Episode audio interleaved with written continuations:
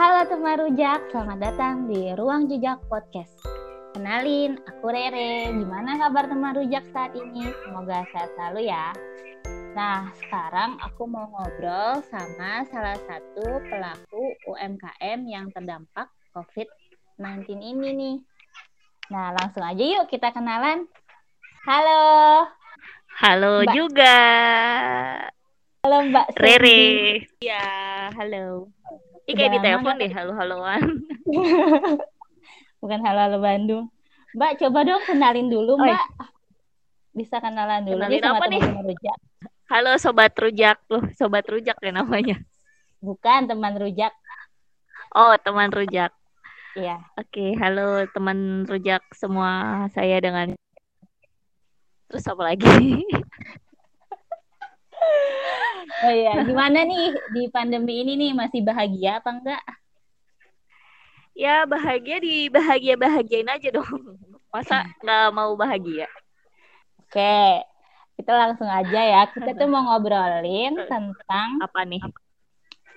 eh, UMKM yang terdampak di eh, COVID-19 ini nih, di pandemi Oke. COVID-19 COVID-19 ini. Nah, Oke. eh, sebelumnya kan Mbak Sandy punya usaha kain batik ya. Itu gimana Iya. Mbak? Atau enggak? Bisa diceritain nggak? itu usaha kain batik itu akhirnya pabrik tut eh awalnya sih penjualan menurun drastis banget terus pabrik kan nggak boleh ada kegiatan ya yang rame-rame gitu pabrik Hmm. tutup sampai tiga empat bulan kemarin lah semenjak yang PSBB belum nggak bisa dibuka ini Mm-mm. terus ya udah nggak emang nggak ada penghasilan apa-apa dari si batik itu pengrajin juga semua dirumahkan Oh. ya udah stop semua gitu gara-gara si pandemi ini gitu Jadi semuanya terdampak ya dari hulu Iya. ke hilir gitu istilah. yes betul banget Mau udah berapa lama nih Mbak sebelumnya eh, menggeluti usaha kain batik ini? Kain batik dari 2016 ya udah hampir tiga setengah empat tahunan gitu deh. Dan tiba-tiba harus yang berhenti total gitu selama empat bulanan Iya, ini. Iya ya, bener ya. Biasanya aku tuh kalau beli kain tuh di tempatnya Mbak Sandy ini nih. Nama IG-nya apa Mbak? omahjawi.com biar pengrajin ada kerjaan lagi. Iya bener, biar eh, para pengrajin itu ada kerjaan dan juga bisa berpenghasilan dan roda ekonomi itu terus berputar ya Mbak. iya betul biar balik lagi gitu Iya bener banget. Nah, eh, terus nih kan kain batiknya kan udah stop nih Mbak. Terus eh, gimana supaya bisa tetap Apanya? survive di tengah pandemi ini? Ah, jadi ini kayaknya temanya mencari rezeki di tengah pandemi ya. Cakep. Ya, jadi itu kan karena eh, sebenarnya sih awalnya dari hobi-hobi aja bikin kopi susu kekinian lah gitu kan kayak Ya. kayak yang kekinian-kekinian lah pokoknya yang kopi susu aren. Emang dari dua tahun lalu tuh udah sering bikin-bikin kayak gini dan dicobain ke orang-orang katanya layak layak jual nih layak jual nih. Oke jualan nih. Produksi kan. Akhirnya kita jualan kopi susu aren sampai hari ini. Karena Iya. berawal dari hobi aja sih sebenarnya sih. Dan seneng jajan kan beli kopi-kopi Iya. gitu. Akhirnya ya sudah bikin sendiri produksi sendiri dan dijual sekarang. Oh, jadi dijualnya baru-baru ini nih Mbak. Iya, baru sekitar satu bulan. Eh, belum nyampe satu bulan sih, setengah bulan ini ya. Oh, Iya, gitu. baru setengah bulan inilah. Gitu. Jadi, sama jualan makanan cemilan gitu. Oh, makan cemilan apa tuh Mbak? Eh temennya kopi ada makaroni panggang, ada pastel tutup. Banyak eh, cuma baru itu sih yang kayak dijual. Sama satu lagi ada cappuccino cincau. Itu mantep banget loh. Aku eh, udah pernah coba. Like, Terus apalagi Gimana? dimakannya itu pas anget-anget, baru mateng, terus Terus ah, kejunya pada lumer. Iya, kejunya pada lumer. Coba bayangin, bayangin. Kejunya baru pada mateng, lumer. Baru mateng, kejunya pada lumer. Lembut banget, rasanya juga enak. Eh, mantap lah Habis pokoknya. itu minumnya manis-manis, ada kopi susu ya. Iya, Uca. Wah, enak bener. nah, nih kalau boleh tahu kenapa tuh Mbak uh? Uh, pilih produk? Berarti kan itu produknya termasuk makanan dan uh. minuman ya. Kenapa nggak iya, yang betul. lain gitu?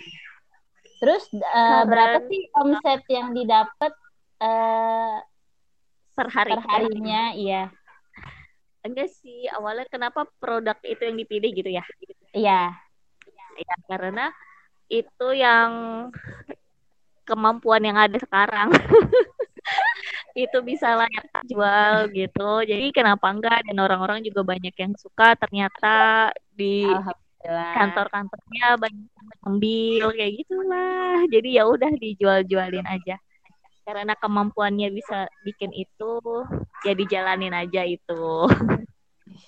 Mantap. Jadi bisa bisa switch ya dari usaha kain batik yang sekarang ini nggak jalan sama sekali uh, lalu switch ke usaha makanan ini yang alhamdulillah alhamdulillah ya dapatnya ya. Alhamdulillah nggak? Alhamdulillah. Alhamdulillah. Bisa, bisa tutup lah bisa berapa tuh omsetnya tuh per hari tuh mbak? Per hari bisa tiga ratus ribuan lah minimal. Oh alhamdulillah. Untuk teman-teman yang juga terdampak misalnya bisa juga nih uh, jualan-jualan apa ya, yang misalnya kiranya, uh, misalnya bisa bikin apa bikin sesuatu gitu yang bisa dijual. Ya. atau kalau misalnya sekarang kan banyak tuh masker masker juga banyak pada yang butuh. Iya benar masker. kain terus makanan makanan yang misalnya kayak risol gitu ya yang ah iya cemilan-cemilan. Kan gampang tuh bener bikin banget. di rumah. Iya bener uh, banget. Terus nah di eksperimen aja tuh pakai uh, jurus ATM ya enggak iya betul. Amati, amati tiru modifikasi. Modifikasi. Ya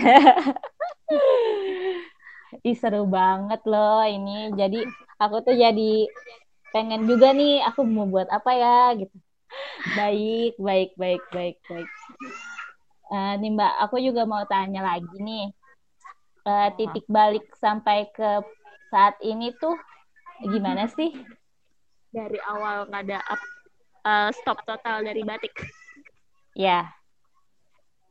Ya titik baliknya. Ya karena pandemi berjalan ya masa kehidupan berhenti? Kehidupan kan harus berjalan terus.